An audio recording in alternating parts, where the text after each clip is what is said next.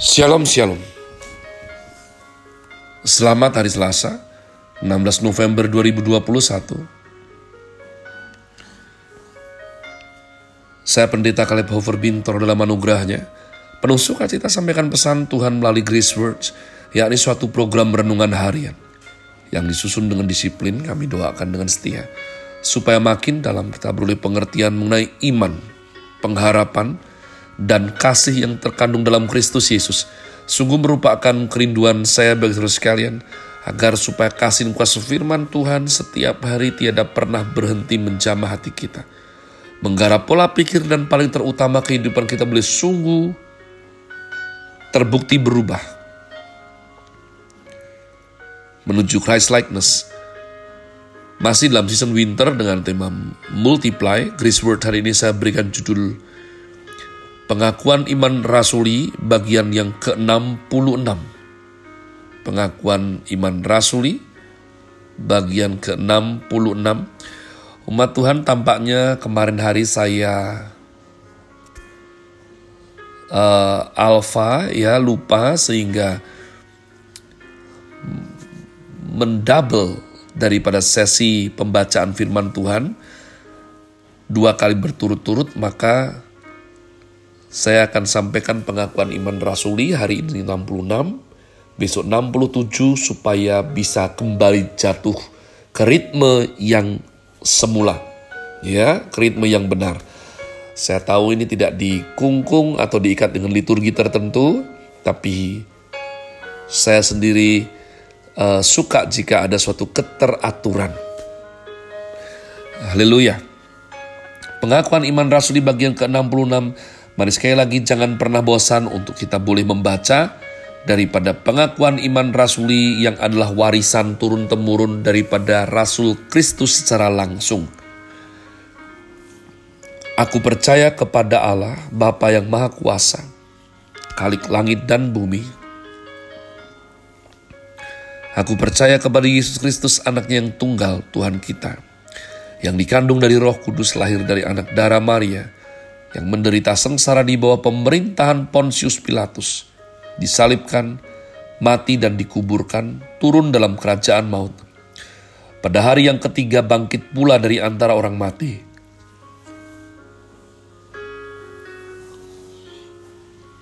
Naik ke sorga, duduk di sebelah kanan Allah Bapa yang Maha Kuasa. Dan dari sana ia akan datang untuk menghakimi orang yang hidup dan yang mati. Aku percaya kepada Roh Kudus, gereja yang kudus dan am, persekutuan orang kudus, pengampunan dosa, kebangkitan orang mati, dan hidup yang kekal. Amin. Kita masih membahas butir kedua daripada pengakuan iman rasuli umat Tuhan dan itu sesuatu yang sangat penting untuk kita cermati teliti karena butir kedua pengakuan iman rasuli merupakan bagian yang terpanjang, terpenting dari seluruh pengakuan iman rasuli dan yang membedakan agama Kristen, iman Kristen daripada agama-agama lain, keyakinan-keyakinan lain di muka bumi ini. Yakni iman kepada Allah Tritunggal. Dan kita masih secara khusus memperhatikan kalimat menderita sengsara di bawah pemerintahan Pontius Pilatus. Pontius adalah kota asal Pilatus. Menurut catatan, Pilatus akhirnya tinggal di Switzerland yang sekarang ini kita kenal sebagai negara Swiss. Negara protestan, penghasil arloji, tape recorder, dan kamera-kamera terbaik. Negeri ini kecil, tetapi mementingkan mutu lebih daripada jumlah. Selain meniru Jerman, Jepang pun meniru Swiss. Jerman, Swiss, dan negara-negara Skandinavia, yakni Denmark, Finlandia, Norwegia, dan Swedia. Semuanya merupakan negara-negara protestan yang sangat penting Swiss menuntut kualitas, maka arloji-arloji terbaik, mesin-mesin yang sangat baik berasal dari Swiss. Negara-negara reformasi dan pasca reformasi telah menghasilkan hal-hal yang sangat bermutu berdasarkan satu ayat. Satu ayat, satu ayat saja yang mereka pegang. Bahwa mengerjakan apa pun adalah di hadapan dan dilihat Tuhan. Mengerjakan segala sesuatu seperti untuk Tuhan, bukan untuk manusia. Kolose 3 ayat 23. Saya melihat segalanya dari tahta Tuhan dan akan mengerjakannya seperti yang dilihat Tuhan dari tahtanya. Nah umat Tuhan, ini sulit sekali. Ini butuh disiplin, butuh komitmen. Namun, jika ini menjadi pedoman hidup setiap kita, bangsa apa pun, maka hidup kita akan menjadi hidup yang bermutu.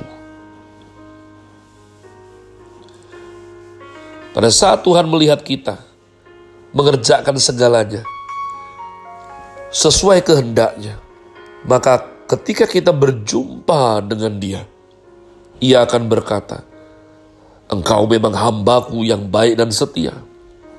Masuklah dan turutlah dalam kebahagiaan Tuhanmu." Saat Tuhan Yesus diadili,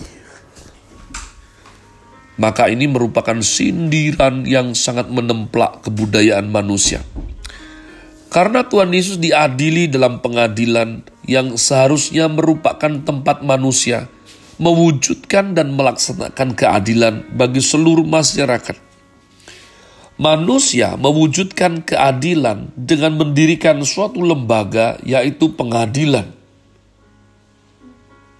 Pengadilan mulai dari desa, kota, pengadilan negeri, pengadilan tinggi, sampai Mahkamah Agung adalah perwujudan keadilan. Tetapi sejarah membuktikan bahwa tempat yang seharusnya paling mewakili dan menjunjung tinggi keadilan bisa jadi merupakan tempat yang paling melecehkan, merendahkan, dan menghujat keadilan maka itulah pengadilan tertinggi manusia. Begitu memalukan sekali. Tuhan dari sorga melihat. Manusia dicipta menurut peta teladan Allah. Manusia diberi konsep tentang sifat Allah yang suci, adil dan bijaksana adanya. Ketiga hal inilah intisari hukum Taurat yang tercantum dalam sepuluh perintah Tuhan. Maka melalui hukum Taurat, kita tahu bahwa Allah itu suci, adil, dan bajik. Manusia diciptakan menurut peta teladan Allah, sehingga manusia dapat membayangkan peta teladan Allah dan merenungkan sifat ilahi Allah.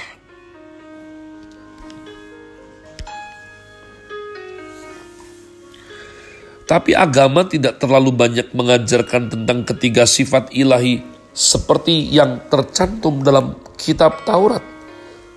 Dalam surat Roma, Paulus mengatakan bahwa dalam Taurat tersimpan ketiga sifat ini. Allah adil, Allah suci, Allah baik adanya. Maka manusia yang diciptakan menurut peta teladan Allah seharusnya juga melaksanakan ketiga sifat ini yang membuktikan bahwa kita dicipta oleh Tuhan maka manusia harus menjalankan keadilan, kesucian, dan kebajikan. Keadilan berarti sama rata terhadap diri dan sesama. Saya tidak lebih baik, lebih tinggi, lebih pintar daripada kamu. Saya tidak boleh punya hak istimewa yang melebihi kamu. Superioritas melanggar keadilan, inferioritas juga melawan keadilan tetapi menganggap sama terhadap diri dan sesama. Tidak menganggap diri sebagai penguasa atas sesama kita. Tidak menganggap sesama sebagai budak kita. Karena itu semua melawan keadilan dan asas interaksi antar pribadi. Barang siapa sama terhadap diri dan sesama, ia seorang yang manusiawi. Ia adalah manusia yang bersifat manusiawi. Pengadilan diperlukan karena negara mau melaksanakan keadilan dalam kehidupan bersama dalam bermasyarakat. Tanpa keadilan, masyarakat akan kacau. Kejahatan tidak ada hukuman. Orang baik tidak dapat hidup aman dan mendapat pujian yang selaras atau dorongan yang seharusnya maka melalui pengadilan melaksanakan keadilan, masyarakat menjadi tertib dan baik. Tetapi justru di sinilah sindiran terbesar, di mana ada pengadilan tertinggi, di sana ada pelanggaran keadilan yang paling jahat dalam sejarah umat manusia. Maka Alkitab berkata, tidak seorang pun yang tidak berdosa Karena sekalian kita sudah berbuat dosa dan kehilangan kemuliaan Allah. Keadilan, kesucian, kebaikan, dan kasih merupakan perwujudan kemuliaan Allah. Seorang yang adil, baik, dan suci saat melakukan keadilan, kebajikan, dan kesucian, ia mempermuliakan Tuhan. Tuhan Allah dimuliakan melalui sifat-sifat ilahi yang dilaksanakan manusia. Namun pada saat Pilatus mengadili Yesus, ini merupakan sindiran terbesar. Suatu refleksi yang memancarkan ketidakadilan yang terkejam dan paling menakutkan yang pernah terjadi dalam sejarah manusia. Saat di mana manusia melakukan keadilan, hal paling mustahil dicapai dan yang dinyatakan sebagai kerusakan terbesar, total depravity, penghinaan, dan pelecehan keadilan yang terkejam terjadi, yaitu saat Tuhan Yesus diadili di masa pemerintahan Pontius Pilatus. Saya berdoa supaya kita beroleh sesuatu, ambil yang baik, buang yang tidak baik Have a nice day. Tuhan Yesus memberkati saudara sekalian. Sola. Grazie.